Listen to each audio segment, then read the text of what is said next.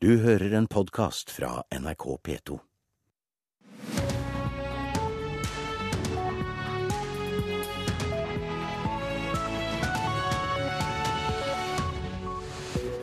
God fredagsmorgen. Klokka er 6.30, og du lytter til Nyhetsmorgen med Anne Jetlund Hansen i studio. Dette er hovedsakene våre. Det blir regjeringsskifte i Danmark. Lars Løkke Rasmussen sier at han er klar til å overta som statsminister, men det er Dansk Folkeparti som er den store vinneren på borgerlig side. Dansk Folkeparti har fått et forrykende valg som vi ikke i vår villeste fantasi hadde drømt om øh, var mulig. Det sier partileder Christian Thulesen Dahl. Maktkonsentrasjonen i matmarkedet er verre enn noensinne. Det sier Einar Stensnes, som er tidligere leder av Matkjedeutvalget. Utviklingen går jo eh, åpenbart i feil retning i forhold til hva Matkjedeutvalget ønsket og så for seg, nemlig at vi skulle få flere aktører inn i bildet.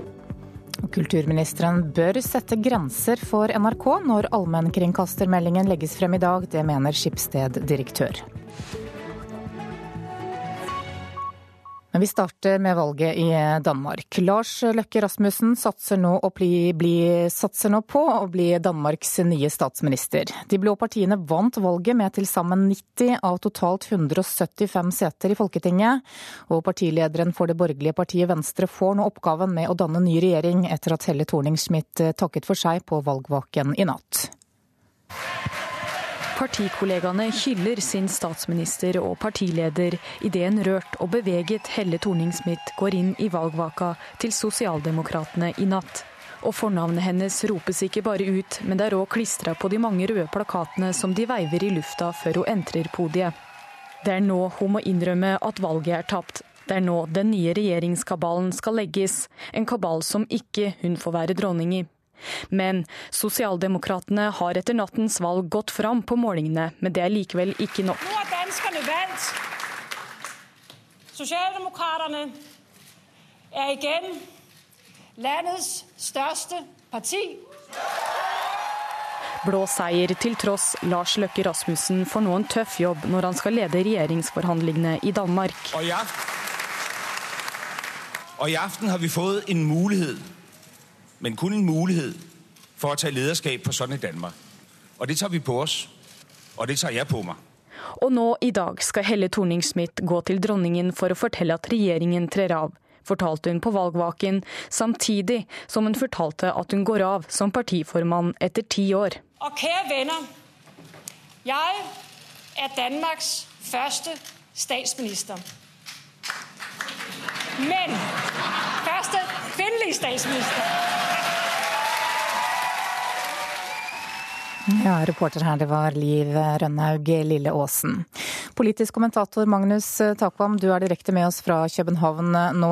Helle Thorning-Smith sa altså i natt at sosialdemokratene vant valgkampen, men ikke valget. Hva er grunnen til at det var den blå blokken som nå overtar regjeringsmakten? Ja, Helt eh, direkte så var det selvfølgelig det sensasjonelt gode valget som Dansk Folkeparti gjorde. De, eh, de, ble jo det største partiet innen blå blokken, og altså større enn statsministerpartiet, for å si det slik, eh, Venstre. Så det som har skjedd, er at Dansk Folkeparti for det første nok har tatt en del stemmer fra Venstre, og også fått en god del av de tvilerne som ikke hadde bestemt seg på forhånd, over på sin side. Og det var da nok til å eh, vippe eh, et ellers meget jevnt valg over til den blå blokken. Så sier Dansk Folkeparti at det er uaktuelt for dem å gå inn i regjering likevel. Hva er grunnen til det? Ja, De sier det nå, og det har vært deres strategi eh, lenge, i motsetning til eh, f.eks. Eh, Fremskrittspartiet i Norge, som jo har sagt at de eh, ikke vil støtte en regjering de selv ikke er medlem av osv. Eh, det som er spesielt her i Danmark, og med Dansk Folkeparti for så vidt, er at partiet på den ene siden har en knallhard linje i innvandringsspørsmålet. Og der er de eh, skal vi si, på lag med de øvrige blå partiene. Men på velferdspolitikk og i synet på offentlige utgifter, så har de mer til felles med sosialdemokratene og venstresiden. Som man eh, har f.eks. før dette valget inngått en avtale med Dansk Sosialistisk Folkeparti om å øke ytelsene til arbeidsledige. Det er et slags løfte da Dansk Folkeparti har gjort sammen med SF før valget. Og denne måten å jobbe på er vanskelig, selvfølgelig. Vanskeligere dersom man er med eh, i en regjering. Så det er noe av forklaringen på at de i hvert fall hittil har valgt å stå utenfor regjering. Men det kommer til å være et ganske sterkt press på dem fra et svekket Venstre nå om nettopp å komme inn i regjering. For Hvordan blir det da eventuelt for Lars Løkke Rasmussen å styre en slik regjering med Dansk Folkeparti på utsiden? Nei, det, det, er veldig vanskelig. Og alle som uh, kommenterer uh, valget her, her, i dag, uh, peker på en, en, veldig kompleks forhandling for, for, Lars Løkke Rasmussen nå for å danne regjering. Han har på laget sitt Liberal allianse og altså Dansk Folkeparti, pluss det tradisjonelle høyrepartiet, konservative, som er veldig svake, bare vel 3% her. Han har altså den Eh, ytterliggående eh, nasjonalistiske eh, høyresiden og den ytterliggående liberalistiske høyresiden på samme lag. Slik at det er et veldig stort sprik politisk i den blå blokken. Og det, det krever en, en, veldig smidig og kompromissvillig statsminister for å få det, den ligningen til å gå opp. Så, så det, det, vil nok ta kanskje et par uker minst før man vet hvordan en ny Eh, regjering vil se ut her i Danmark. Takk skal du ha, politisk kommentator Magnus Takvam. Maktkonsentrasjonen i matmarkedet er verre enn noensinne. Det sier Einar Stensnes, som er tidligere leder av Matkjedeutvalget. Utvalget påpekte maktmisbruk i dagligvarebransjen for fire år siden, men siden det så har ingenting skjedd. Utviklingen går jo eh, åpenbart i feil retning i forhold til hva Matkjedeutvalget ønsket og så for seg, nemlig at vi skulle få flere aktører inn i bildet. De fire matkjedene utøver maktmisbruk. Det er grunn til bekymring på vegne av forbrukerne og andre aktører i matkjeden. Slik lød beskrivelsene da Matkjedeutvalget leverte sine konklusjoner for snart fire år siden. Nå har vi bare tre store dagligvarekjeder igjen i landet. Makten uh, utvikles enda mer i retning av uh, dagligvarekjedene. Det ser jeg som et veldig uheldig trekk, sett ut fra forbrukernes synspunkter. Vi trenger en lov om god handelsskikk for å balansere på en god måte makten i dagligvarekjeden. Og på Stortinget er det bred enighet om at noe må gjøres. Men den forrige landbruksministeren tok seg ikke tid til å behandle saken, og nå avventer alle landbruksminister Sylvi Listhaugs konklusjoner. Selv om et flertall av partiene er positive til en ny lov om god handelsskikk, stritter regjeringspartiet Høyre imot. Foreløpig har jeg ikke sett overbevisende argumenter for det. Sier Gunnar Gundersen, næringspolitisk talsmann for Høyre på Stortinget. Men uh, i et marked som har rimelig klare stordriftsfordeler, så er det ikke helt enkelt å finne de gode løsningene. Men du er ikke helt sikker på at man trenger noe grep her, altså? Jo, altså, jo det, det, tror jeg vi må, vi må, begynne å diskutere grep. Spørsmålet er når man må, må, begynne å si stopp i forhold til konsentrasjon. Dersom forbrukeren får OK priser og utvalget er greit nok, kan vi da leve med at det er en sterkere maktkonsentrasjon nå enn for bare fire år siden? Ja, Vi lever jo med det, men vi får jo signaler om at eh, det kanskje er en del eh, At det er litt eh, Hva skal jeg si At man håndterer saker på en måte som gjør at kanskje noen bruker den makten litt for mye. Og det er ikke bra. Synes du som næringspolitiker for Høyre at det haster å ta grep? Ja, altså det der med konsentrasjon i markedet mener jeg er en stor utfordring. I løpet av våren har både Ringnes og Hansa Borg uttalt at de kaster inn håndkleet når det gjelder egen utkjøring av varer. Bryggerikjempene har gitt opp egen distribusjon, slik nesten alle leverandørene har gjort, og overlater det til matvarekjedene. Mange av de som i, i 2011 hadde distribusjon, fremholdt jo for Matkjedeutvalget hvor viktig det var at de fikk fortsette med dette, men at de var under et veldig press av dagligvarekjedene til å få overta distribusjon. Det er veldig mektige aktører som står bak her. Frykter du at politikerne lytter for mye til disse mektige aktørene fra dagligvarebransjen? Dagligvarebransjen er åpenbart veldig dyktig med å lobbe. Jeg vet at de driver en intens virksomhet overfor det politiske systemet, altså både i departementet og i Stortinget. Reporter her, det var Line Tomter. Den omfattende overgrepssaken i Tromsø viser behovet for barnehusets spesialkompetanse. Det sier leder Ståle Luther i barnehuset Tromsø. I går utvidet politiet i Tromsø siktelsen mot en mann som tidligere jobbet i en barnehage i byen. Et barnehus er, det, det, betyr veldig mye. Vi som jobber i barnehus, vi er, vi er, glad i barnehus og vi er glad i konseptet. De så tidlig omfanget av overgrepssaken etter å ha snakka med 42 barn.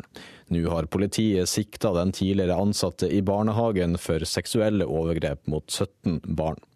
Barnehuset har hatt en omfattende jobb og sentral rolle med vitneavhør av barna. Som tidligere politietterforsker så, som jobber med disse sakene på, på den sida, eh, så ser jeg jo for en himmelvid forskjell det er eh, nå når barnehusene finnes. Nå fortsetter barnehusets jobb med å følge opp barna og familiene. Foreldrene er jo viktige oppi dette. her. Det er jo dem som hele tida er rundt ungene sine. Og, og, Vi bidrar jo også med gode innspill og tips til dem om hva de skal se etter, og, hvordan de kan snakke med ungene osv.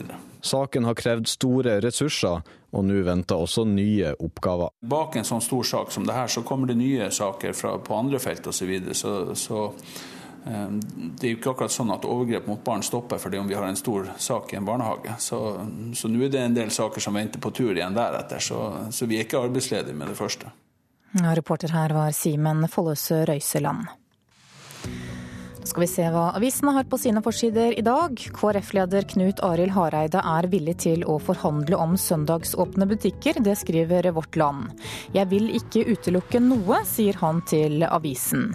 Samtidig forteller Klassekampen at motstanden mot søndagsåpne butikker vokser, også i Høyre- og Frp-kommuner. Og Klassekampen siterer samme Hareide på at den støtten KrF opplever, gjør også langt inn i regjeringskvartalene, gjør ham kampklar. Arbeiderpartiet i Oslo stuper med 7,4% ifølge en måling i Aftenposten. Partiet og byrådslederkandidat Raimond Johansen hadde et forsprang på Høyre ved avisens forrige måling, men nå er dette altså snudd. Jeg hadde aldri trodd at dette skulle bli en parademarsj, sier Johansen. Massakren i en kirke i Sør-Carolina for to dager siden fører til en ny debatt om våpenlovene i USA. President Barack Obama sier det som har skjedd viser behovet for et strengere lovverk, og får støtte av ordføreren i Charleston, skriver Dagsavisen. Dagbladet forteller at politiet advarer mot en ny, utspekulert metode som lommetyver i hovedstaden bruker for å stjele pengene dine. Tyvene kler seg ut som politi og robber folk. Deretter tar mange av dem med seg pengene og reiser ut av landet.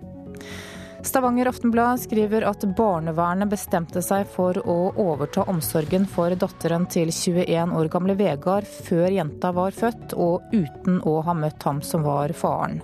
I retten ble han beskrevet som både sløv og lat. Bergens Tidende forteller at svømmeanlegget Alexander Dale Oen Arena er ett av flere bygg i Bergen som kan gi økonomisk hodepine i hundremillionersklassen. Årsaken er at svømmeanlegget drives i konkurranse med private aktører. Momsfritaket som kommunen fikk kan da være ugyldig, mener skattemyndighetene. Det er tøffere kamp om lånekundene, det skriver Dagens Næringsliv. Forbrukerrådet anslår at 500 000 av oss bytter bank eller pruter på lånerentene i år. Og bønder i utkanten får lavere lånerente enn kollegaer nærere byene. Det viser en rapport som Nasjonen har lest. Melkebonde Jan Ove Flaten i Sogn og Fjordane mener dette er urettferdig. Renten bør være lik dersom forholdene ellers er like, mener han.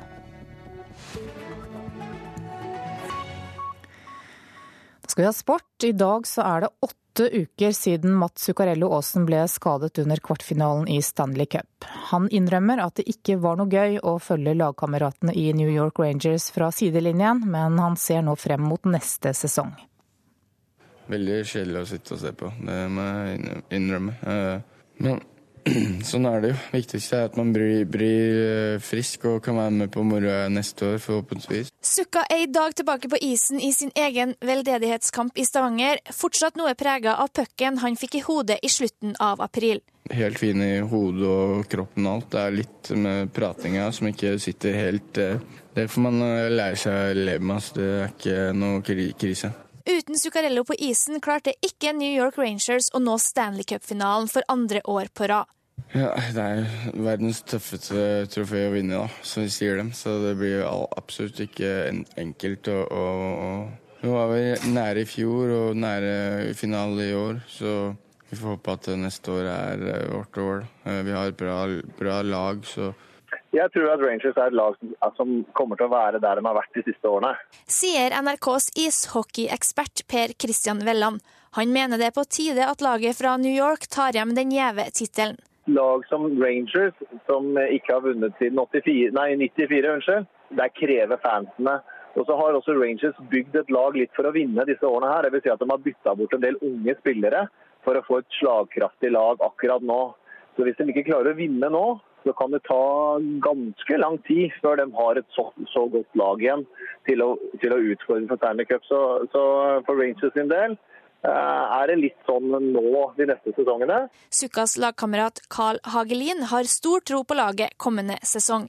Vi vet at vi kan slå alle. Vi hadde mest poeng av alle lag i år, så vi har full tro på oss selv. Ja, reporter her, det var Signe Oppsal. Du hører på Nyhetsmorgen nå. Klokka har passert 6.46. Dette er hovedsakene. Lars Løkke Rasmussen satser nå på å bli Danmarks nye statsminister, men Dansk Folkeparti er største parti på borgerlig side. Overgrepssaken i Tromsø viser behovet for kompetansen til barnehusene. Det sier lederen for barnehuset i Tromsø. Og følg oss videre. I dag legger kulturministeren frem meldingen som bl.a. skal definere fremtiden til NRK. Kringkastingssjefen mener det ikke er noen grunn til bekymring. Det blir gjort eh, flere endringer i statsråd i dag. Hans Røssjorde fra Fremskrittspartiet går av som statssekretær i Justis- og beredskapsdepartementet, og Jon Gunnar Pedersen fra Høyre går av som statssekretær for finansminister Siv Jensen. Røsjordet har som statssekretær for justis- og beredskapsminister Anders Anundsen hatt et særlig ansvar for beredskapsarbeidet i departementet. Han avviser at avgangen har noe å gjøre med den kritiske rapporten som Riksrevisjonen leverte for noen uker tilbake, og sier til NTB at han ba om avløsning alt i vår, forut for Riksrevisjonens rapport.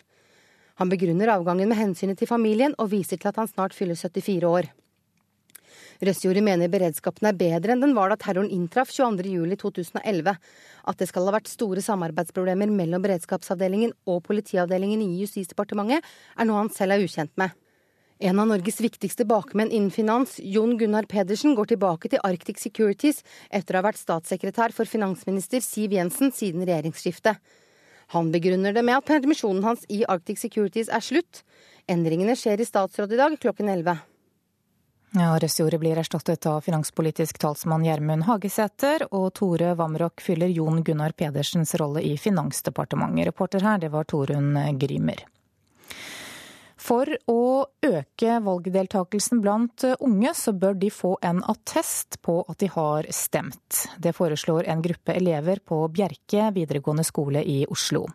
Attesten kan legges til CV-en som et bevis på samfunnsengasjement, og dette kan motivere flere til å bruke stemmeretten sin, mener elevene. Og Bjerke-elevene er spente på om deres forslag vil gjøre en forskjell. Det er ganske kult. Da. Jeg håper at det liksom slår igjennom. Da kan vi få til noe nytt her i Groruddalen og generelt i Norge. Og det viser jo også at eh, selv vi på en skole, altså vi ungdommer, kan få gjennom noe større enn bare Vi kan utrette noe mer enn hva det kanskje ser ut til. da. Evi Marie Holter og Odoka Madu tar studiespesialisering på Bjerke videregående skole. Sammen med seks gutter vant førsteklassingene skolens idéverksted i mai, hvor de kom med forslag til hvordan valgdeltagelsen blant unge i Groruddalen kan øke. Det er jo et veldig positivt bidrag til CV-en, som viser at du er engasjert i ikke bare at du er flink på skolen, men også at du klarer å ta et standpunkt i forhold til sosiale ja, problemstillinger også. Valgdeltakelsen ved forrige kommunevalg var på 64,5% på landsbasis. Av Groruddalens stemmeberettigede var det bare 54% som stemte. Enda færre velgere under 25 år brukte stemmeretten sin.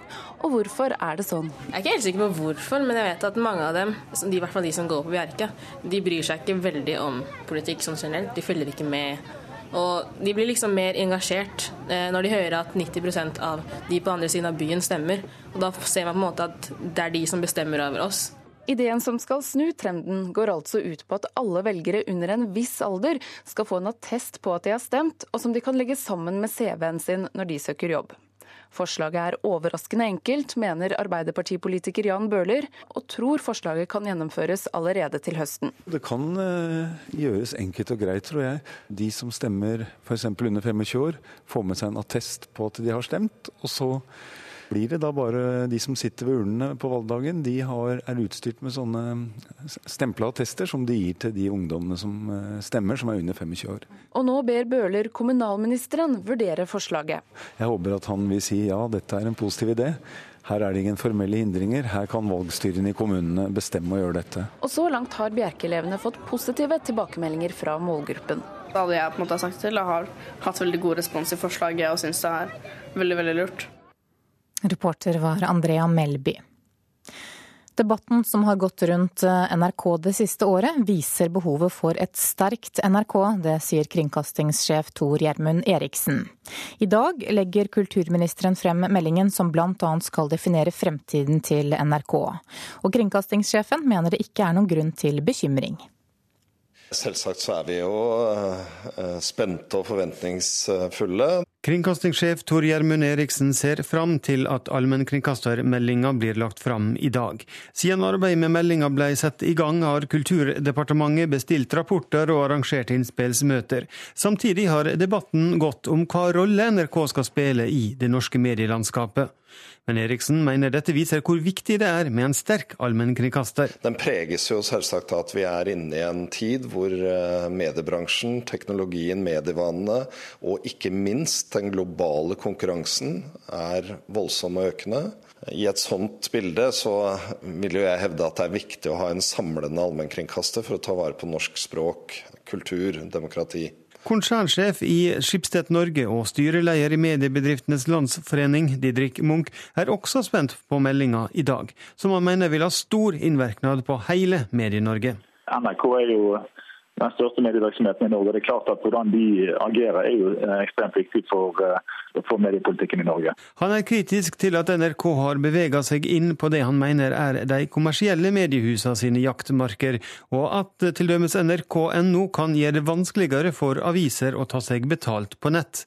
Som sagt så er jeg opptatt av at NRK skal kunne utvikle seg videre, men at de må få et tydelig opptak for å, å, å, å, ivareta mediemangfoldet i Norge. Og I det ligger det også at de kanskje ikke bør konsentrere kreftene sine fullt og helt om å, konkurrere skulder til skulder mot uh, kommersielle aktører, der uh, de feltene er dekket godt. Kringkastingssjef Tor Gjermund Eriksen er ikke redd for at det skal komme en avgrensing. Han mener det er stor forståing for at NRK også er på nett og mobil. Jeg har egentlig vært overrasket over at det ikke er flere, som, eh, at det er ganske få få. Da. Det er stor forståelse for at en allmennkringkaster for å være allmenn må være på nye plattformer. Ja, hvorfor må vi være der? Jo, fordi at publikum er der. Og stadig flere så er mobilen, eh, nettet, særlig mobilen vil jeg si, er viktigere når du konsumerer nyheter, når du ser innhold. Hvis det da skulle komme en slik avgrensing i denne meldinga på disse områdene, hva vil det ha, ha å si? Nei, Det vil jo gjøre at en allmennkringkaster som oss forvitrer over tid og blir mindre og mindre viktig.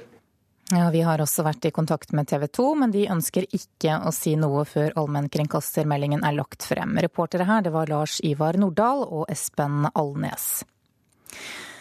En ny utstilling ved Norsk rettsmuseum kan få fart på debatten rundt rettspsykiatriens behandling av utilregnelighet. Utstillingen Galskapens fengsel omfatter ny forskning, men ser også tilbake på hvordan psykisk syke er blitt behandlet i det norske samfunnet.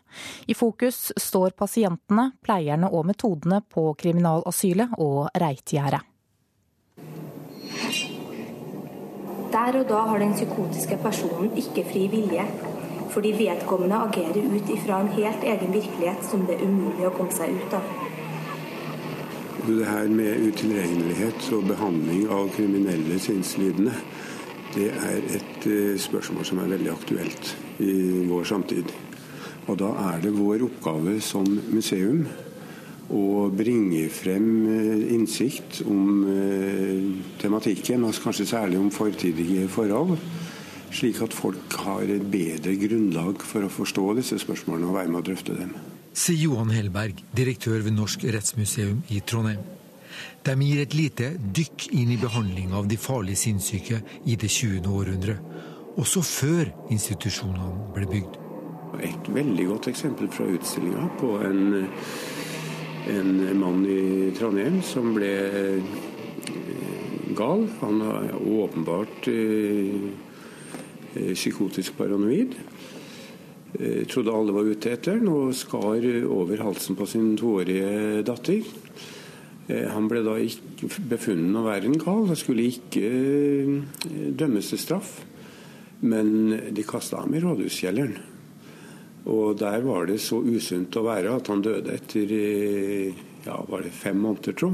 Symptomene kommer gradvis, og i starten vil man kanskje klare å overse vrangforestillingene og stritte imot. Men opplevelsen av å være i fare kan etter hvert bli så sterk at man til slutt blir nødt til å gripe til vold for å forsvare seg sjøl eller avverge en trussel. Så kom kriminalasylet i 1895 og Reitgjerdet i 1923. En mangslungen og omdiskutert historie med reimer og tvangsmedisinering og heftige debatter. Eh, det store bildet er at vi ønsker å på en måte modifisere og vise det store mangfoldet i det her. At eh, det ikke er en historie om et enormt overgrep, men det er, et, det er en historie om både humanitet, om omsorg, masse vilje til omsorg, men også mange, mange eh, individuelle historier om pasienter som har opplevd ting de aldri skulle ha opplevd. Sier professor Øyvind Thomassen ved Institutt for historiske studier ved NTNU. Han og flere forskere bidrar til utstillinga, som snart er turnéklar. Selv om ikke vi har vært med å forske, så har vi nok fått en dypere innsikt. Det sa direktør ved Norsk rettsmuseum Johan Hellberg, og reporter var Lars Erik Skjærseth. Da skal vi se på et eh, værvarsel som gjelder til midnatt. Fjellet i Sør-Norge varierende skydekke med enkelte regnbyger, snø på de høyeste toppene. Østlandet varierende skydekke, lokale regnbyger særlig fra i ettermiddag, kan hende med torden. Telemark og Agder. På kysten nordvestlig periodevis liten kuling vest for Lindesnes, ellers skiftende bris. Regnbyger særlig fra i ettermiddag, kan hende med torden. Lettere vær i kveld. Rogaland nordvestlig frisk bris på kysten. I ettermiddag liten kuling på kysten lengst sør. Enkelte ettermiddagsbyger i indre strøk. For øvrig oppholdsvær og perioder med sol. Hordaland og Sogn og Fjordane for det meste skyet, stort sett oppholdsvær. Fra i ettermiddag nord- og nordvestlig frisk bris på kysten. Enkelte regnbyger i indre og midtre strøk, for øvrig oppholdsvær og perioder med sol. Møre og Romsdal og Trøndelag skyet eller delvis skyet. Spredte regnbyger, stort sett pent vær i Namdalen. I kveld nordøstlig frisk bris på kysten. Etter hvert til dels pent vær i hele området. Nordland nordøstlig bris, på kysten frisk bris og for det meste pent vær. Troms først på dagen enkelte regnbyger i nord, ellers oppholdsvær og perioder med sol. Vest-Finnmark med vidda nordvestlig bris, enkelte regnbyger i kyst- og fjordstrøkene snøbyger over ca. 500 meter og perioder med sol. Øst-Finnmark nordvestlig frisk bris utsatte steder. Fra i ettermiddag periodevis liten kuling i nord. Regn, senere til dels kraftige regnbyger og snø over ca. 500 meter. Fra i ettermiddag perioder med sol. Og på Nordensjøland på Spitsbergen er det ventet bris omkring vest nordvest skyet eller delvis skyet oppholdsvær. Så tar vi med temperaturene som ble målt klokka fem. Da hadde Svalbard lufthavn fem grader, Kirkenes og Vardø åtte, Alta og Tromsø seks, Bodø åtte, Brønnøysund ni, Trondheim, Molde, Bergen, Stavanger og Kristiansand hadde ti, Gardermoen sju, Lillehammer åtte, Røros seks og på Oslo-Blindern så var det åtte plussgrader klokka fem i morges.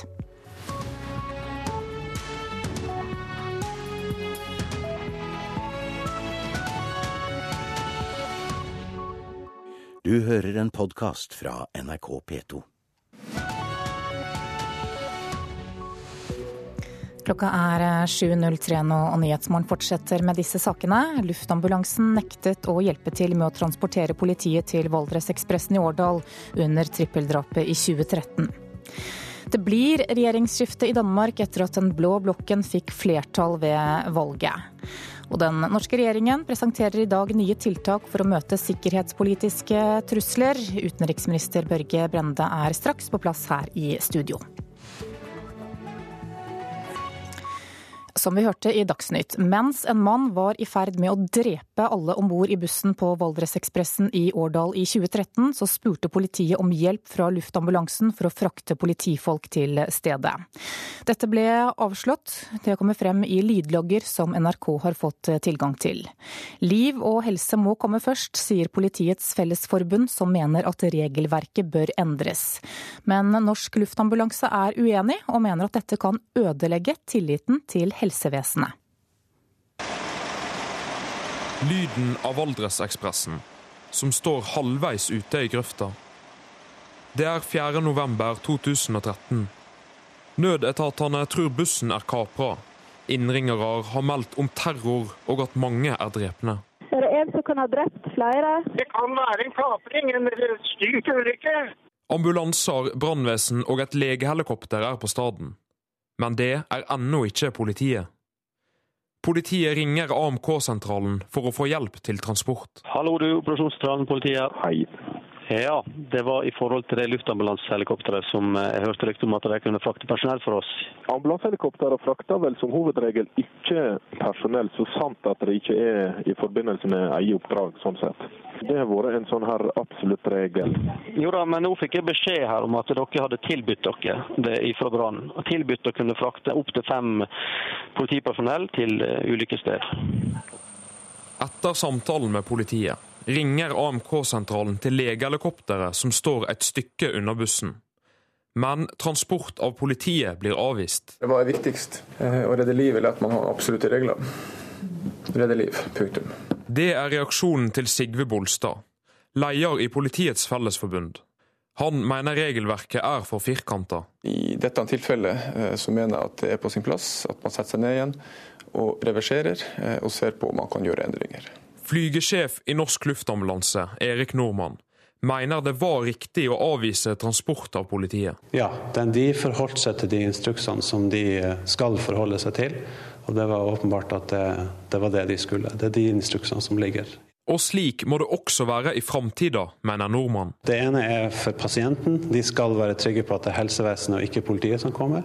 Det andre er at hvis man bruker helsevesenet til kriminalitetsbekjempelse, så vil vi også bli sett på som en trussel. Og dermed så utsetter vi oss for sabotasje, Eh, den type problemstillinger, spesielt da overfor organisert kriminalitet, og sånn, som vil føre til legge begrensninger på måten vi kan utføre jobben vår. Det mener jeg vi bør eh, ha en debatt om. Disse ordene kommer fra Anne Rygg Pedersen. Hun er avdelingsdirektør i Direktoratet for samfunnssikkerhet og beredskap. Det er en vanskelig vurdering, og jeg forstår at helse har en utfordring knytta til bruk av helikoptrene og kapasitet. Men samtidig så er det når det står eh, liv på spill, og i dette tilfellet så var det en uavklart situasjon. Det var avgjørende viktig å få politiet eh, opp til stedet for å eh, kunne slippe helsepersonell til de som var skadde. Og da mener jeg at vi må foreta en avveining, og at det å redde liv, det er det viktigste. Ja, Du kan se tidslinjen av det som skjedde i Årdal og høre lydlogger på nrk.no. Reporter her, det var Simon Solheim. Da skal vi til Danmark, for der blir det regjeringsskifte etter at den blå blokken fikk flertall ved valget. Men Dansk Folkeparti, som ble valgets store vinner, vil ikke sitte i regjering. Og Den kommer så her, og den viser altså at Socialdemokraterne blir det største partiet i Folketinget med 25,7 Det danske folketinget i går kveld klokken 20. Valglokalene er stengt, og dansk fjernsyn offentliggjør sin valgdagsmåling. Alt tyder på at den blå blokken vinner valget. Men i det konservative partiet Venstres festlokale er det ingen jubel. Deres leder, Lars Løkke Rasmussen, ser ut til å bli Danmarks nye statsminister. Stillheten skyldes at Venstre er valgets store taper. Partiordfører Inger Støysberg klamrer seg til et håp. Det er bare en valgdagsmåling. Det er jo exit poll, og la oss nå se. Altså, det er ikke annet for enn å, å vinne. Alle stemmer er avgitt, og nå må vi jo bare vente på at de blir talt opp. Sosialdemokratene gjennomførte en imponerende valgkamp, men tapte selve valget, og Helle Thorning-Smith må gå av. Partiets problem var at koalisjonspartnerne Radikale Venstre og SF kollapset totalt. I nederlagets tunge stund finner partisekretær Lars Mittiby trøst i den gode valgkampen og flere representanter i Folketinget. Sosialdemokratene vil tross alt være Danmarks største parti, men altså i opposisjon, hvilket blir fattigmannstrøst. Men det er selvfølgelig alltid glede meg når mitt eget parti går frem, og det vil jeg da også gjøre øh, her. Øh, jeg syns vi har ført en flott valgkamp. Jeg syns heller har gjort det forrygende, intet mindre. Det hersker ingen tvil. Valgets store vinner ble Dansk Folkeparti. Det sterkt innvandringskritiske partiet ble det største på den borgerlige side med rundt 20% av stemmene. Partiets leder, Christian Tulsen Dahl, sier, naturlig nok, til NRK at han er svært fornøyd. Altså, jeg er meget tilfreds med den valgkamp, vi har ført. Jeg er meget tilfreds med, at vi har været så synlige i, øh, i valgkampen. Jeg synes, altså synlige i den forstand, at vi har haft massevis af plakater op. Altså geografisk rundt omkring har vi været øh, meget, øh, meget godt med. Og det er det store spørsmålet i dansk politikk de kommende dagene. Thulesen Dahl ønsker ikke å gå i det vi på norsk kaller SV-fella. Dansk Folkeparti søker innflytelse, ikke taburetter at det er ikke automatisk sånn at fordi vi får stor opbakning, oppbakning, at så skal vi automatisk søge efter å komme i regjering. Det kommer helt an på hva det er for et politisk grunnlag sådan en regjering arbeider på. Men kan det største partiet i den blå blokken stå utenfor regjeringssamarbeidet? Ja, sier Dansk Folkeparti. Neppe, sier garvede politiske kommentatorer i Danmark. Det ligger an til svært kompliserte forhandlinger på borgerlig side. Det sa reporter Joar Hoel eh, Larsen. Forsker Signe Bock eh, Segård ved Institutt for samfunnsforskning, god morgen. Du, aller først, Hva er hovedgrunnen til at det nå blir et regjeringsskifte i Danmark? Det er jo at demokratiet det har vært i gang, og velgerne har talt. Eh, så enkelt er det. Og så er det jo at i valgkampen har det vært fokus på rød versus blå. Og det har velgerne tatt til seg. Og de har stemt på de partiene som har øh, satt seg til, øh, satt seg til høyre for midten. Det er det korte svaret på det. Så hørte vi om øh, strategien til Dansk Folkeparti her, som altså er det største partiet i den blå blokken, men som altså ikke vil inn i regjering. Hva syns du om en sånn strategi? Altså, det er jo ikke ukjent. Det har de, jo hatt, de har hatt sånn strategi før, i 2001. Der hadde de nettopp en strategi i forhold til den Øh, borgerlige regjering da, da de sad udenfor, og det gjorde de jo nesten i ti år, og fikk enorm innflytelse på deres merkesaker. Og du kan, litt strengt tatt så kan du jo si at de sad udenfor, fikk stor innflytelse uten å ha reelt ansvar. Ja, hva klarte de å oppnå da? Store innstramninger i innvandringspolitikken. Og ved siden av så fikk de også innflytelse på den retorikk øh, som har utviklet seg i Danmark, vil jeg hevde. Men hva slags regjering blir dette her, da, dersom Dansk Folkeparti eh, står utenfor, tror du? Det blir en regjering som får store utfordringer i den praktiske politikk. Særlig hvis det bare blir Venstre som øh, skaper en øh, mindretallsregjering. Vil si at de fra sag til sag skal gå, gå inn i Folketinget og forhandle med partiene. Både de borgerlige, Dansk Folkeparti, Liberale Allianse, men også på den andre side. Fordi det er jo ingen tvil om at øh, Venstre også har en del likhetspunkter med sosialdemokratiet i Danmark. Og så går altså Helle Thorning-Smith av både som statsminister og som partileder. Burde hun ventet med å skrive ut dette valget, nå som vi har fasiten på hvordan det gikk? Det er alltid enkelt å, være, å, å tenke sånn. Men samtidig så var det ikke noe tidspunkt der så ut til å kunne bli bedre. Hun hadde alle faktorene øh, med seg. Hun hadde planlagt det veldig nøye med politisk utspill helt fra ja, tilbake til hennes nytårstale, hvor det første utspillet egentlig kom omkring øh, innvandringspolitikk osv. hele veien igjennom våren. Og så fikk øh, dansk økonomi øh, en diagnose som sa at den var friskmeldt. Vil si at betingelsene for at hun kunne gjøre det godt, og det har hun gjort. Hennes parti har faktisk gjort det riktig godt. De har gått frem. Noe som der var ingen der hadde trodd skulle lykkes for den, hvis man ser et år tilbake. Du, er det noe som overrasker deg nå i forbindelse med dette valget? Det overrasker meg jo litt at det er ingen der har kunnet forutse at Dansk Folkeparti skulle bli det største parti på borgerlig side. Det syns jeg er overraskende i seg selv. Og så er det også litt overraskende øh, at øh, Alternativet og Enhedslisten gjør det godt på venstre side uten at det får noen eh, innflytelse på regjering, regjeringssiden. Ja, hvordan kommer danskene nå til å merke at de har fått en ny blå regjering? Når den nå er oppe og står etter hvert? De kommer til å merke at Dansk Folkeparti de vil bruke det her for alt hva det er verdt for å få deres merkesaker igjennom. Og der er bl.a. vekst i eh, offentlig sektor, som står i direkte motstrid til deres mulige regjeringspartner, Venstre. Det gjelder på innvandringsområdet. Og så gjelder det en sak som er meget oppe i Danmark, grensekontroll. Forsker Signe Bukk Segård, takk for at du kom hit til Nyhetsmorgen. Og om det blir mer om dette valget i Danmark i Dagsnytt 7.30 og i Politisk kvarter klokka 7.45. Og vi skal ikke slippe det helt ennå, for nå har utenriksminister Børge Brende kommet hit i studio. Og jeg må spørre deg aller først, hva er din umiddelbare kommentar til at de borgerlige nå overtar regjeringsmakten i Danmark? Jeg ønsker jo Lars Løkke Rasmussen lykke til med å danne regjering, og gratulerer de borgerlige med seieren. Det er jo riktig også at sosialdemokratene og Helle Thorning-Smith gjorde et godt valg. Det blir krevende regjeringsforhandlinger for Løkke Rasmussen, slik at dette kan ta noe tid før en ny regjering kommer på plass. Den egentlige grunnen til at du er her nå, er at du og den norske regjeringen i dag presenterer nye tiltak for å møte nye sikkerhetspolitiske utfordringer. Hva er de største truslene Norge står overfor? Trusselbildet har jo endra seg.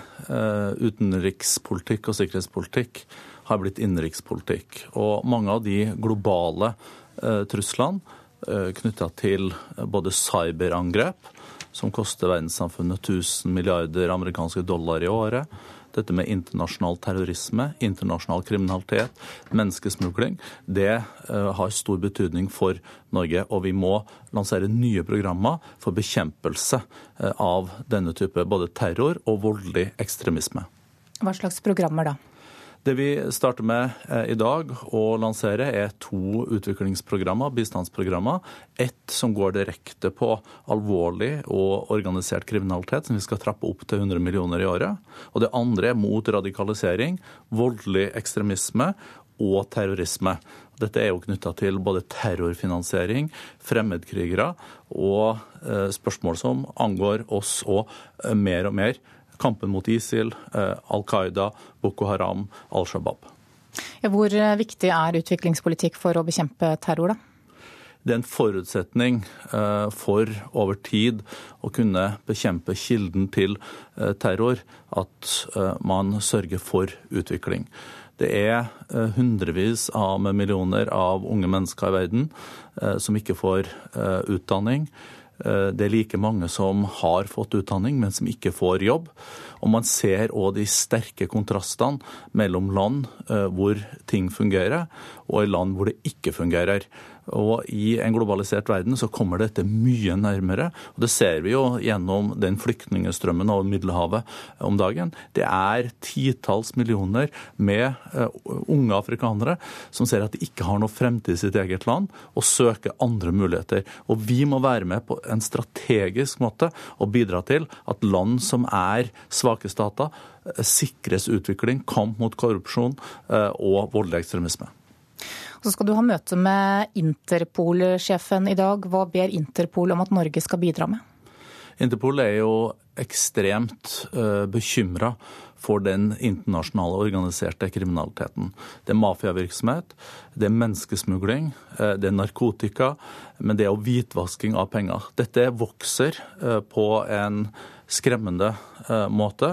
Og Interpol ønsker et partnerskap med Norge i bekjempelsen av dette. Og det vi gjør gjennom å lansere et eget bistandsprogram eh, når det gjelder kampen mot organisert kriminalitet, er å vise at vi snakker ikke bare om det, men vi går inn og støtter nå eh, forskjellige programmer. Og vi lanserer 40 helt konkrete tiltak i denne stortingsmeldinga for både bekjempelse av organisert kriminalitet og voldelig ekstremisme.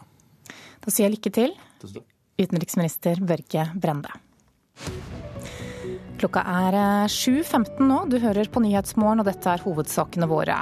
Luftambulansen nektet å hjelpe til med å transportere politiet til Valdresekspressen i Årdal under trippeldrapet i 2013. Det blir regjeringsskifte i Danmark etter at den blå blokken fikk flertall ved valget. Og følg oss videre. Helsesøstre er bekymret for at barn får servert poser med skrukork, slik at barna skal suge maten i seg. Men først skal vi til Charleston i Sør-Carolina i USA. 21 år gamle Dylan Roof risikerer dødsstraff dersom han blir funnet skyldig i drapene på ni mennesker i en svart metodistkirke for to dager siden. Men folk som har mistet venner og familie i tragedien er for øyeblikket mer opptatt av å stå samlet i sorgen enn av selve straffen. Det rapporterer vår USA-korrespondent Gro Holm. We are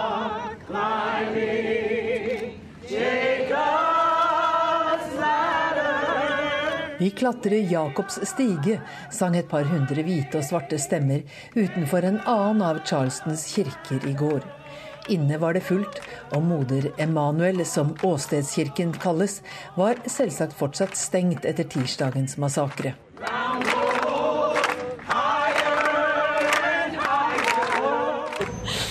This is just so wrong.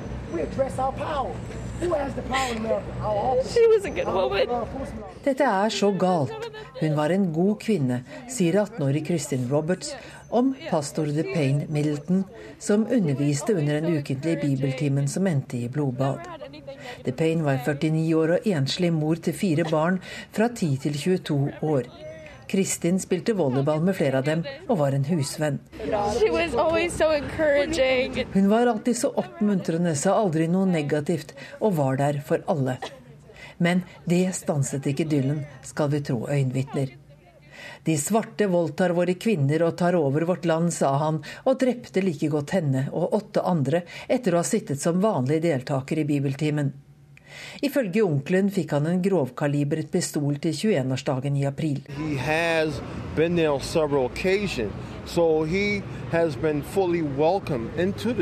Han har vært i kirken flere ganger, forklarer Derek Desasyr, der vi står ved blomsterhaugen rett utenfor den helhvite moder Emanuel. Han ble ønsket velkommen, så det var ikke noe spesielt med sist kveld, før han trakk våpenet, sa en overlevende. Here in Charleston just now? It's traditional in the sense that right now, if I was to go in a white establishment in the South, one of these stores, they would greet me, Jeg ber Derek, en afroamerikaner med mastergrad i spesialpedagogikk, om hvordan han vil beskrive forholdet mellom hvite og svarte nå. Det er tradisjonelt, svarer han. Hvis jeg går inn i en av butikkene i sør i byen der de fleste er hvite, vil de hilse, men se skeptiske på meg. Hva vil han stjele nå? Hva er det han planlegger, tenker de. Jeg kommer for å brenne salvie for å velsigne grunnen der mennesker er blitt drept, og for å rense lufta.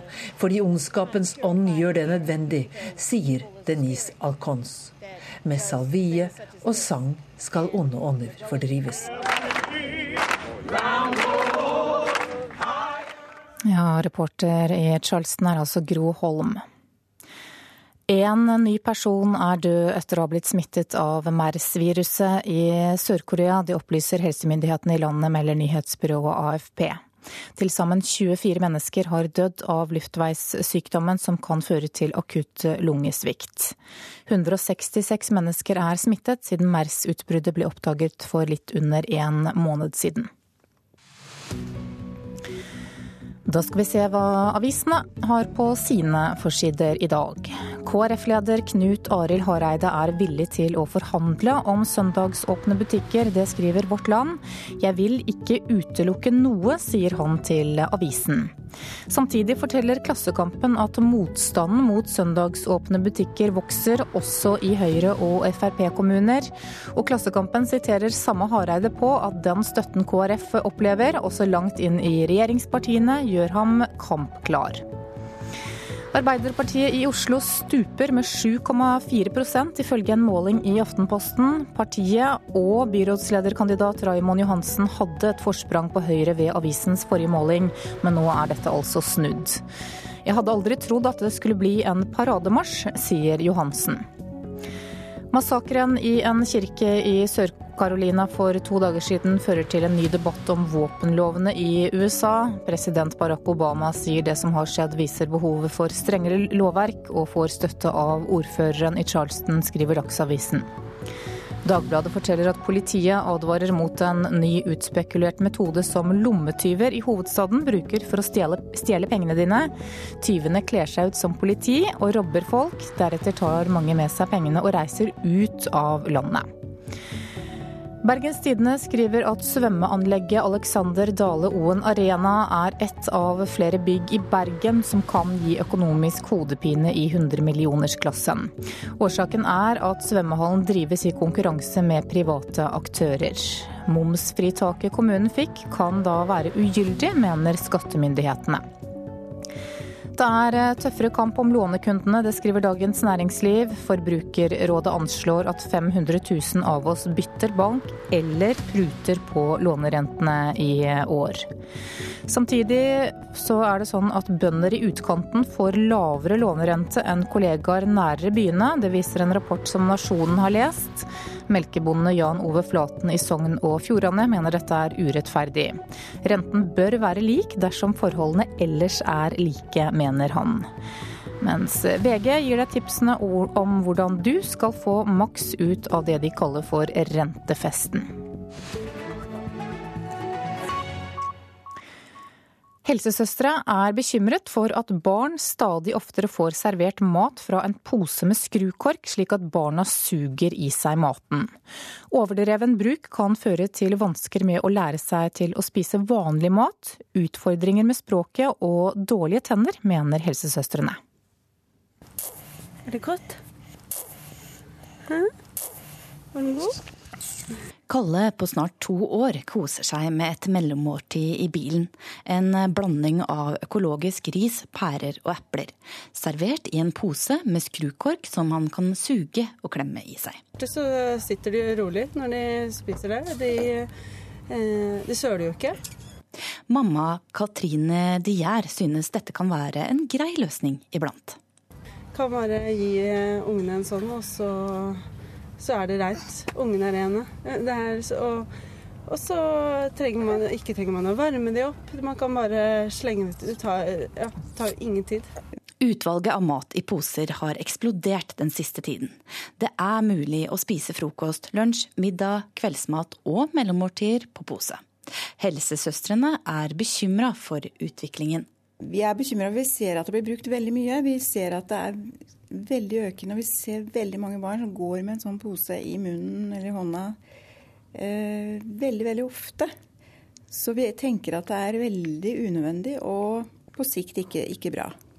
Hun mener at barna som bruker dette for mye, kan få problemer med både å spise annen mat og få språklige utfordringer. For det første så ser man ikke hva man spiser. Eh, du ser ikke Du kjenner smaken, men du slipper å tygge, og du slipper å bruke munnmotorikken. Du slipper å bruke håndmotorikk, for du suger i deg maten, og det tenker jeg at ikke er bra. Tannpleieren er også bekymret for at mye mat i pose kan få følger for tennene. Når vi ser på innholdet i den, så, så inneholder det fruktsukker. Og fruktsukker det er litt surt, og det er jo ikke så bra for tennene. For, eh, for miljøet i munnen. Det sier tannpleier Liv Heidi Bråtner. Hun mener at slik mat også kan føre til mye småspising. Så hvis man drikker mange, mange av dem, og så man bruker lang tid, så, så blir det surt lenge i munnen. Jeg syns jo det er bedre å kanskje heller å skjære opp litt frukt og, og ta med seg frukt når man er på tur. Og så for da istedenfor å bare drikke, drikke maten, eller bare drikke. Man ser jo ikke hva man drikker og hva som er i posen. Så, så jeg, jeg syns ikke det er så veldig lurt. Kanskje heller ha med seg, ja, ha med seg vann. Drikke vann isteden når man er tørst. Mamma Katrine Dier, som har tre barn, ser faren ved at det kan bli en lettvint løsning med slike poser.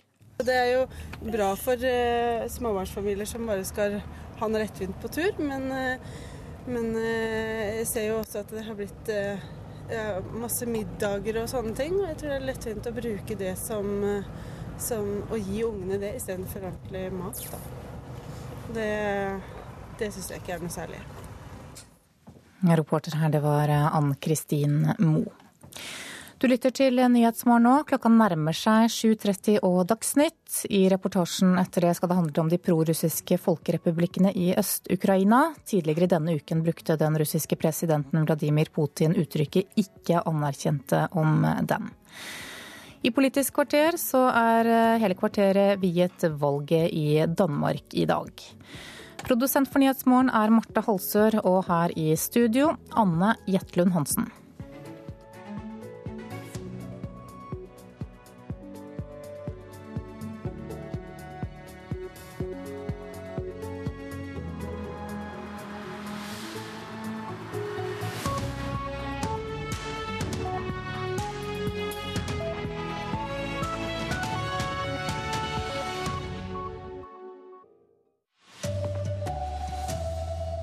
Politiet ba om hjelp av luftambulansen for å komme raskt til trippeldrapsstedet i Årdal, men ble avvist pga. regelverk.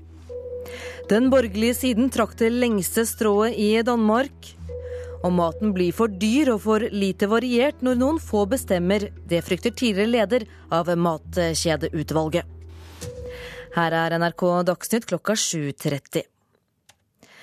Regelverk stanset luftambulansen fra fly politifolk raskt til åstedet der trippeldrapet skjedde, på Valdresekspressen i Årdal i november 2013. Det kommer frem på lydloggene som NRK har fått innsyn i. Liv og helse må komme først, sier Politiets Fellesforbund, som mener regelverket må endres. Norsk luftambulanse er uenig, og mener det vil ødelegge tilliten til helsevesenet. Lyden av Valdresekspressen som står halvveis ute i grøfta. Det er 4. november 2013. Nødetatene tror bussen er kapra. Innringere har meldt om terror og at mange er drepne. Er det en som kan ha drept flere? Det kan være en kapring, en styrt ulykke. Ambulanser, brannvesen og et legehelikopter er på staden. Men det er ennå ikke politiet. Politiet ringer AMK-sentralen for å få hjelp til transport. Hallo, du, operasjonssentralen, politiet. Hei. Ja, det var i forhold til det luftambulansehelikopteret som eh, jeg hørte rykte om at de kunne frakte personell for oss. Ambulansehelikoptrene frakter vel som hovedregel ikke personell, så sant at det ikke er i forbindelse med eget oppdrag. sånn sett. Det har vært en sånn her absolutt regel. Jo da, men nå fikk jeg beskjed her om at dere hadde tilbudt dere det ifra brannen. Tilbudt å kunne frakte opptil fem politipersonell til eh, ulike steder. Etter samtalen med politiet ringer AMK-sentralen til legehelikopteret som står et stykke unna bussen. Men transport av politiet blir avvist. Det var viktigst. Eh, å redde livet eller at man har absolutte regler. redde liv. Punktum. Det er reaksjonen til Sigve Bolstad, leder i Politiets Fellesforbund. Han mener regelverket er for firkanta. Flygesjef i Norsk Luftambulanse, Erik Nordmann, mener det var riktig å avvise transport av politiet. Ja, de forholdt seg til de instruksene som de eh, skal forholde seg til. Og slik må det også være i framtida, mener Nordmann. Hvis man bruker helsevesenet til kriminalitetsbekjempelse, så vil vi også bli sett på som en trussel. Og du kan se en tidslinje for det som skjedde og høre lydloggene på nrk.no. Reporter Simon Solheim. I Danmark starter Lars Løkke Rasmussen nå arbeidet med å danne regjering. De blå partiene vant valget og fikk 90 av 175 plasser i Folketinget. Sosialdemokratenes leder Helle Thorning-Smith går av både som statsminister og partileder, mens innvandringsfiendtlige Dansk Folkeparti ble valgets vinner. Det er ikke noen lett politisk verden Venstres Lars Løkke Rasmussen skal manøvrere i for å forsøke å danne regjering. For han har vunnet makten med den blå blokken, men partiet hans er ikke det største på borgerlig side. Innvandringsfiendtlige Dansk Folkeparti har overtatt den rollen, konstaterer partileder Christian Thulesendal. Dansk Folkeparti har fått et øh, forrygende valg som vi ikke i vår villeste fantasi hadde drømt om. Dansk Folkeparti er en del av regjeringsgrunnlaget sammen med Liberal allianse og Det konservative Folkeparti. Det er vanskelig, men mulig å danne regjering, sier Lars Løkke Rasmussen. Jamen, jeg er da håpefull, og den første forutsetningen er jo at det er et flertall som danskerne har skapt her i aften, der skaper den mulighet. Sosialdemokratene med statsminister Helle Thorning-Smith gikk frem ved valget, men de to støttepartiene på venstresiden gikk sterkt tilbake, og dermed røk regjeringen. Med det gode resultatet for partiet kunne Smith ha fortsatt, men det vil hun ikke. Kjære venner, jeg har besluttet å tre tilbake, og derfor skal vårt parti nå ha en ny formann. Sosialdemokratene vant duellen mellom de to store partiene, men tapte kampen om regjeringsmakten. I dag våkner danskene opp til et nytt og kronglete politisk landskap. Reporter Anette Groth. Og politisk kommentator Magnus Takvam, det blir altså regjeringsskifte i Danmark. Hvor vanskelig blir det å danne en blå regjering? Som vi hørte her, så blir det veldig krevende.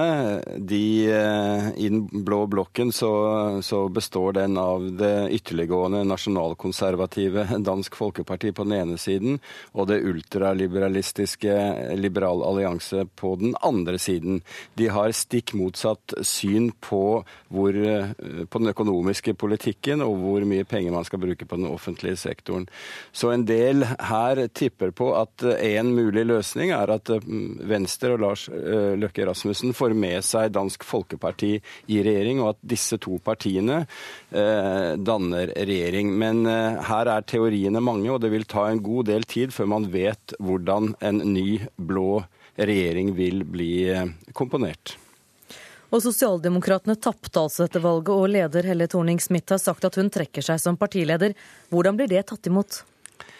Ja, sånn Spontant på en, eh, en, eh, tettpakket valgvake midt på natten, så er det klart at følelsene eh, for henne er, er, til stede. Men jeg tror partiet var forberedt på at hun kom til å gå av dersom hun mistet regjeringsmakten. Etter ti år som leder, så, så er det naturlig. Og de kommer til å velge den nye partilederen, Mette Fredriksen, som har vært justisminister i det siste, 37 år til eh, fungerende partileder allerede i morgen, og kanskje ha et ekstraordinært landsmøte før ferien eh, allerede for å være fullt operative med en ny ledelse. Og det blir mer om det danske valget i Politisk kvarter om noen minutter i P2. 21-årige Dylan Roof risikerer dødsstraff dersom han blir funnet skyldig i drapene på ni mennesker i en svart metodistkirke i Charleston i USA for to dager siden. Folk som har mistet venner og familie i tragedien, er for øyeblikket mer opptatt av å stå samlet i sorgen enn av straffen. Det rapporterer vår USA-korrespondent Gro Holm. We are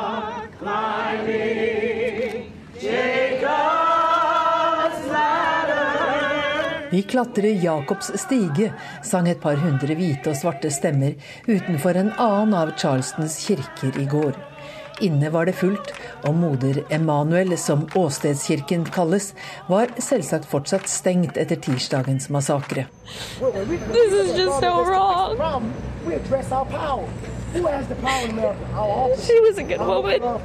Dette er så galt. Hun var en god kvinne, sier 18-årig Kristin Roberts om pastor DePayne Middleton, som underviste under den ukentlige bibeltimen som endte i blodbad. Hun var alltid så oppmuntrende, sa aldri noe negativt, og var der for alle. Men det stanset ikke Dylan, skal vi tro øyenvitner. De svarte voldtar våre kvinner og tar over vårt land, sa han, og drepte like godt henne og åtte andre etter å ha sittet som vanlig deltaker i bibeltimen. So.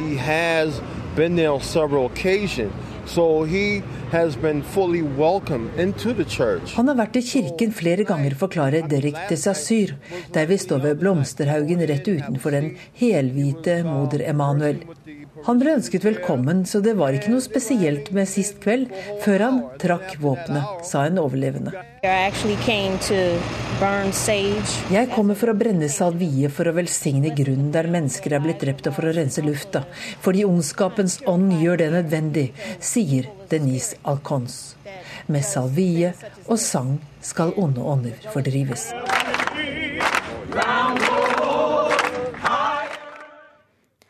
Maktkonsentrasjonen i matmarkedet er verre enn noen gang. Det sier Einar Stensnes, tidligere leder av Matkjedeutvalget. Utvalget pekte på maktmisbruk i dagligvarebransjen allerede for fire år siden. Utviklingen går jo eh, åpenbart i feil retning i forhold til hva Matkjedeutvalget ønsket og så for seg, nemlig at vi skulle få flere aktører inn i bildet. De fire matkjedene utøver maktmisbruk. Det er grunn til bekymring på vegne av forbrukerne og andre aktører i matkjeden. Slik lød beskrivelsene da Matkjedeutvalget leverte sine konklusjoner for snart fire år siden. Nå har vi bare tre store dagligvarekjeder igjen i landet. Makten utvikles enda mer i retning av uh, dagligvarekjedene. Det ser jeg som et veldig uheldig trekk. Reporter Line Tomter. Kenguruer flest er keivhendte, det viser en ny studie. Det er russiske forskere som har funnet ut at ville kenguruer i Australia helst velger venstrehånden når de utfører visse handlinger, som å stelle nesen, plukke blader eller bøye grener. Særlig hos artene grå og rød kjempekenguru er andelen keivhendte høy. Ansvarlig for sendingen Anders Werring, teknisk ansvarlig Beate Haugtrø, og mitt navn er Silje Katrine Bjarkøy.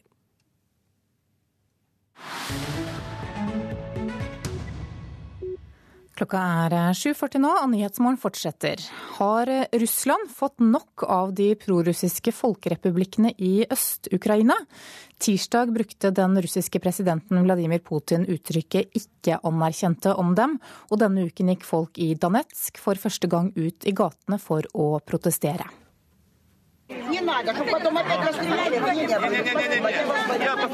En sjelden og unik hendelse i sentrum av Donetsk. Den største byen kontrollert av prorussiske separatister øst i Ukraina mandag denne uken. Flere hundre, kanskje så mange som 500 mennesker hadde samlet seg foran administrasjonsbygningen i byen for å protestere mot lederne i Folkerepublikken Danetsk, som de mener setter sivilbefolkningen i fare ved å plassere sine våpen i boligområder og dermed gjøre dem til mål for de ukrainske regjeringsstyrkene. Til slutt kom president Aleksandr Sakarchenko ut, hinkende på krykker etter en skade han har fått i krigshandlingene, og fortalte demonstrantene at de må ta det med ro og være tålmodige. Så blir det nok en slutt på krigen. Men nå er vi lei av krigen, sa en eldre kvinne før demonstrasjonen langsomt oppløste seg. Det som skjedde, fikk ingen dekning i den lokale eller den russiske pressen, som stort sett bare er opptatt av å vise hvordan de ukrainske styrkene gjennom sin bombing terroriserer sivilbefolkningen. Noen dager tidligere, i det russiske føderasjonsrådets bygning i sentrum av Moskva, Flere ledere fra de prorussiske separatistene i Ukraina er kommet for å fortelle russiske politikere om den vanskelige situasjonen i folkerepublikkene Danetsk og Luhansk. De får selvfølgelig full sympati, og alle fordømmer den ukrainske regjeringen i Kiev. Men det er likevel en noe tilbakeholden støtte, i alle fall i forhold til et lignende møte i januar. Da ble det fremdeles snakket om mulighetene for et Novorazia, et nytt Russland, i den delen av Ukraina der russisk språk og kultur står sterkt. Et område som på sikt kunne integreres i Russland. Men nå er det ingen i Russland som snakker om Novorazia. Ideen er lagt død. Россия со своей стороны, вот сегодня уже обсуждался тот же вопрос, нам помогают. Maksim Letsjenko er sjef for presidentadministrasjonen i Folkerepublikken Danetsk. Og når jeg spør ham om han mener at Russland er i ferd med å svikte de prorussiske separatistene, så sier han at han ikke ser det slik. Russland fortsetter å hjelpe oss for fullt. De sørger for at våre barn får muligheter til å komme på sommerleire. Og de sender humanitær hjelp, sier mannen som altså er opprørspresident Aleksandr Sakartsjenkos nærmeste medarbeider. Denne uken møtte Russlands president Vladimir Putin sin finske kollega Sauli Ninistø her utenfor Moskva. Og det kanskje mest interessante som kom ut av møtet, var da Putin svarte på hva han har gjort for å få til fred mellom de prorussiske separatistene og den ukrainske regjeringen i Kiev.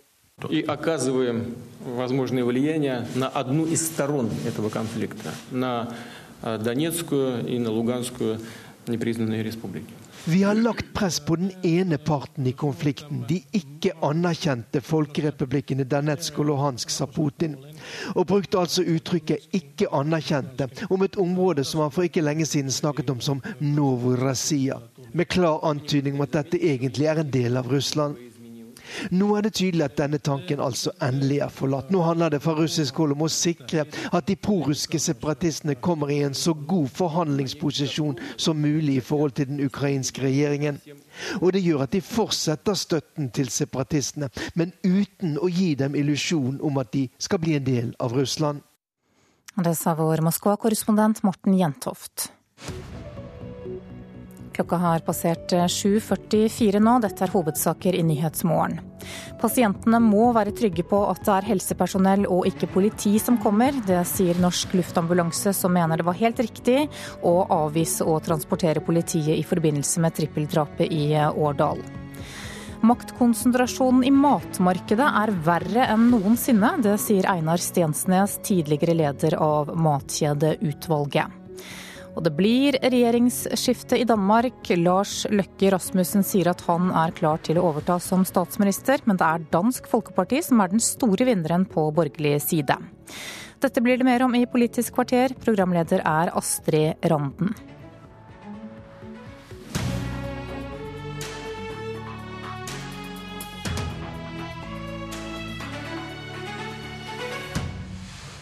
Løkke Rasmussen og danske Venstre gikk tilbake over 7 prosentpoeng.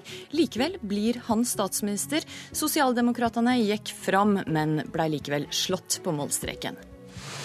Vel møtt til et dansk politisk kvarter. Kommentator Magnus Takvam, du var i Borgen, eller Folketinget som det også heter, til langt på natt, og er nå med oss fra studio i København. Og Venstre og Løkke Rasmussen tapte valget. Likevel så er det han nå som skal forsøke å danne regjering. Hvem er det han skal få med seg? Ja, Det er jo det store spørsmålet som ingen har svaret på ennå. Eh, Poenget er jo at uh, i denne blå blokken så finner man uh, ytterliggående partier for, for, så vidt på hver sin fløy uh, i den borgerlige leiren. Liberal allianse er regnet som et ultraliberalistisk parti, tilhenger av en liten stat. De vil ha reduksjon i offentlige utgifter på 10% innen de neste ti årene, mens Dansk Folkeparti på den andre siden går til valg med en vekst på 0,8% for offentlige utgifter, mer enn sosialdemokratene på den andre siden. Slik at eh, den ligningen går ikke opp hvis man eh, står på sine primærstandpunkter. Så det er en del som som ser for seg at man kanskje får en regjering av Venstre og Dansk Folkeparti etter eh, noen forhandlinger her, fordi det vil være lettere å styre på det grunnlaget med de tross alt to største eh, partiene i, i, den blå blokk. Men dette, dette blir Løkke Rasmussens hodepine noen dager fremover. Men eh, Dansk Folkeparti har sagt at de ikke ønsker å være med i regjering. Hva skal til for at de kan ombestemme seg? Nei, De må få gjennomslag på viktige punkter for, eh, for uh, sin, sin, politikk. De har stilt tidligere uh, en del helt konkrete krav for å gå, i, gå, inn i regjering. Det dreier seg om det med velferdspolitikk, arbeidsledighetstrygd og en del punkter der. Det er EU-politikk er, er, krevende, slik at uh, Løkke Rasmussen må uh, gi dem en god del for at de skal gå inn i regjering. Ellers så vet Dansk Folkeparti at de kommer til å få slitasje dersom de går inn i regjering uten å, å liksom få, få kjernesakene sine, i hvert fall til en viss grad, gjennom. Du var eh, som nevnt oppe til langt på natt. Kan du ta oss med litt tilbake og beskrive litt hvordan det var å være i Borgen i natt?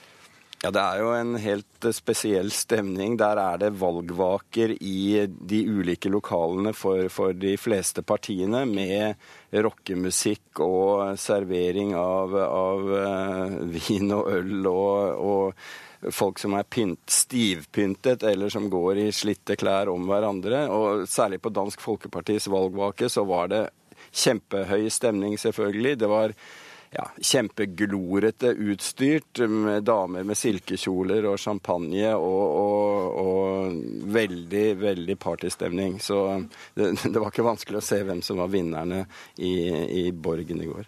Magnus Takvam, takk for analysen og skildringene. Her i studio har vi samla et panel med politikere som er opptatt av og har tilknytning til Danmark.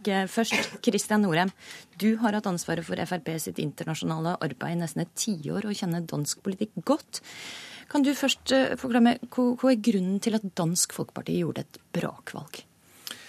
Jeg tror en av grunnene er at de fremstår som eh, et veldig tydelig alternativ i dansk politikk. Eh, de, fremstår også som originalen på en streng eh, utlendingspolitikk. Det er stort sett alle partier i Danmark enige om. og Det, er liksom ikke der diskusjonen egentlig går. De fremstår som originalen som har pressa fram det i debatten. Og så fremstår de som et bredt folkeparti. De har en veldig dyktig leder som er respektert, Christian Thulesen Dahl, som tok over etter veldig høyt profilerte Pia Kjærsgaard. Man lurte på hvordan det skulle gå, og det har jo gått veldig bra. Og han er anerkjent. Han er en rolig, behersket, kunnskapsrik type. Som, som har nok leda partiet inn til andre velgergrupper også. Og nå er det jo det store spørsmålet kommer Dansk Folkeparti til å gå inn i regjering, når de nå er større enn Venstre. Hva tror du? I utgangspunktet så har de jo ikke villet dette her. Og det er jo den spesielle situasjonen at eh, de har ikke blitt frosset ut på noe vis av de andre partiene på eh, borgerlig side. Så det er opp til Dansk Folkeparti om de vil være med. Både eh, Venstre og Liberal allianse og Konservativ Folkeparti har sagt at de ønsker at Dansk Folkeparti skal med i en regjering. Dansk Folkeparti vil vurdere dette her selv. Eh, og, eh, og, det er jammen ikke helt sikkert. Det kan godt være at det kommer til å bli en eh, mindretallskonstellasjon med Venstre som sitter i regjering, og så har de støtte fra de tre andre borgerlige partiene. Jette Christensen, stortingsrepresentant i Arbeiderpartiet. Du er halvt dansk og følger også dansk politikk tett. Hvordan Danmark er det de våkner opp til i dag?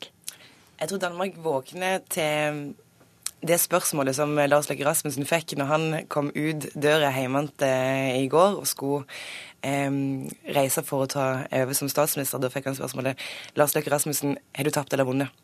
Eh, og det eh, står Danmark eh, overfor nå. Det er en veldig spesiell situasjon. Det er partiet som går mest fram, eh, og det største, eh, og det største partiet taper valget eh, og mister statsministeren, eh, og lederen går av. Og så har vi eh, det danske Folkepartiet, som mest av alt overrasker seg sjøl med å få en enorm vekst og stor oppslutning. Og jeg eh, mener jo thrilleren begynner nå. Nå er det jo vi ser om hvorvidt Dansk Folkeparti tårer å ta det ansvaret som ligger i å sitte i regjering, eller ikke.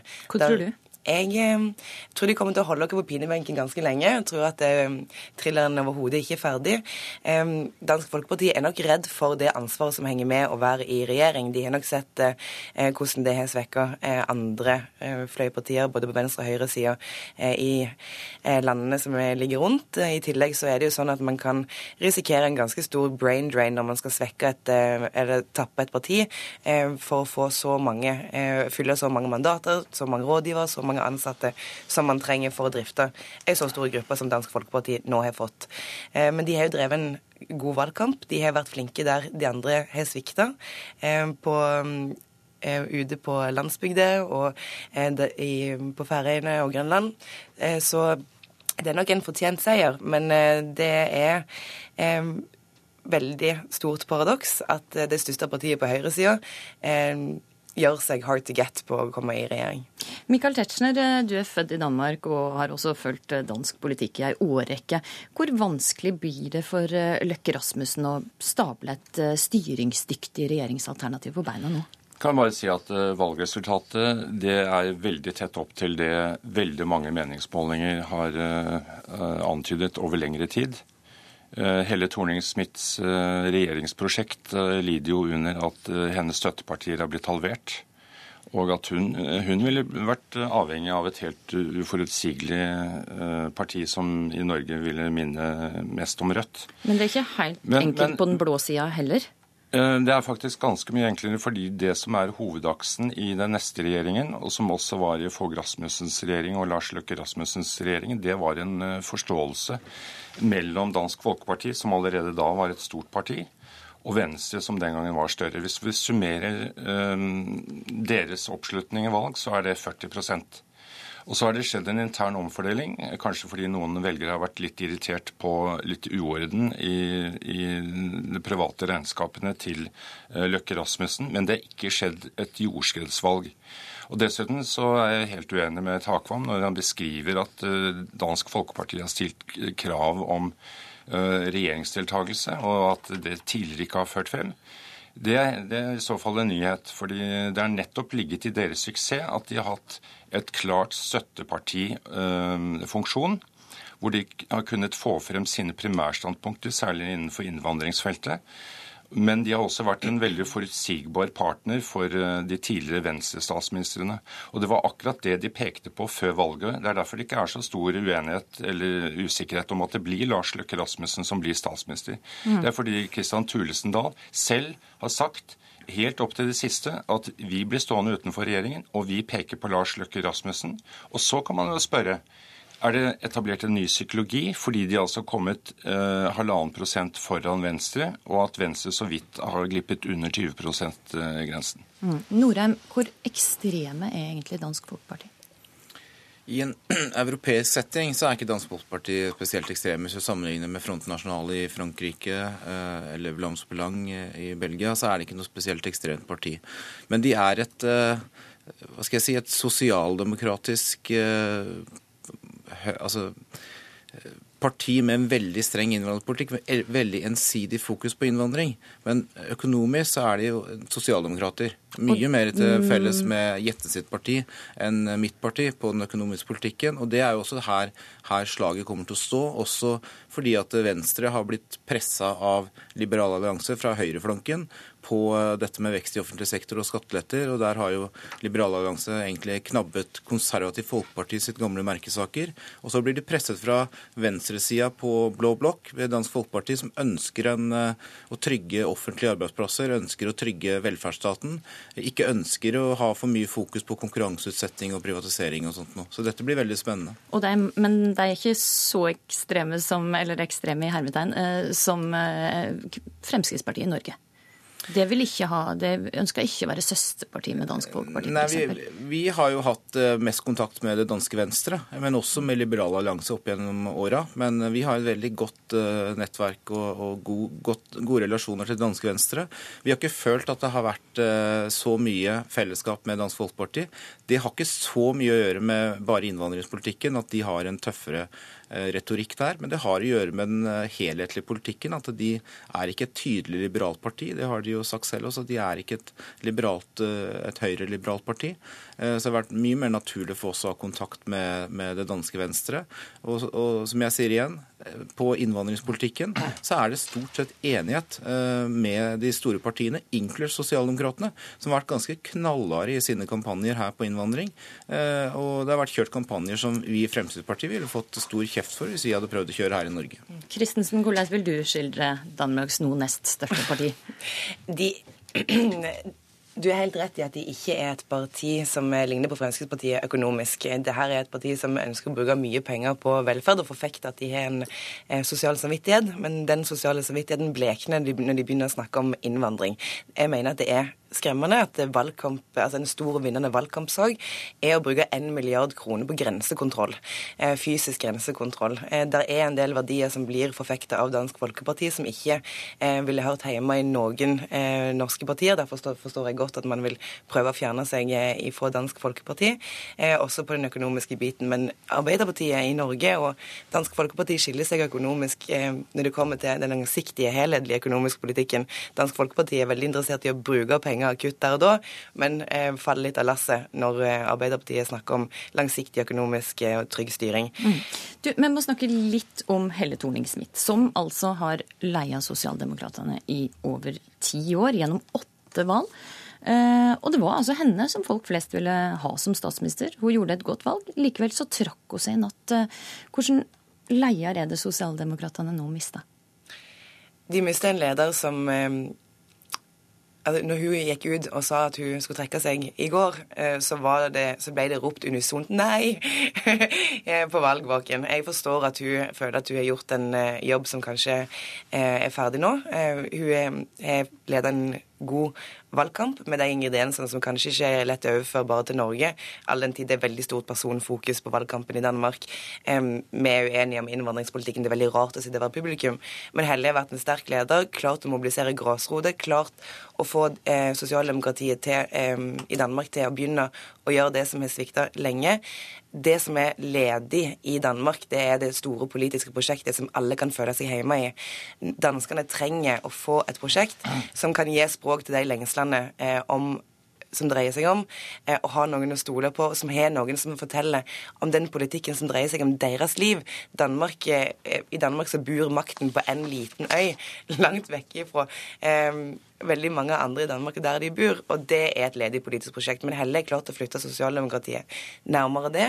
Det skal hun ha skryt for. Hun har alltid vært flink til å drive grasrotvalgkamp, så det skal bli vanskelig å matche henne. Men jeg, jeg ønsker de lykke til, og de er mange gode kandidater. Ok, Michael Tetzschner, kort til slutt. Når er det venta at en ny dansk regjering kan være klar? Jeg må bare si at uh, uh, Torning Smith kommer til å etterlate seg et meget blandet uh, ettermæle. Hun var ikke særlig respektert. Hun gjorde en god valgkamp. og og hun satset på å ta tilbake sosialdemokratiske velgere fra Dansk Folkeparti, og kjørte også en innvandringskampanje som hennes svenske kolleger faktisk har tatt avstand fra.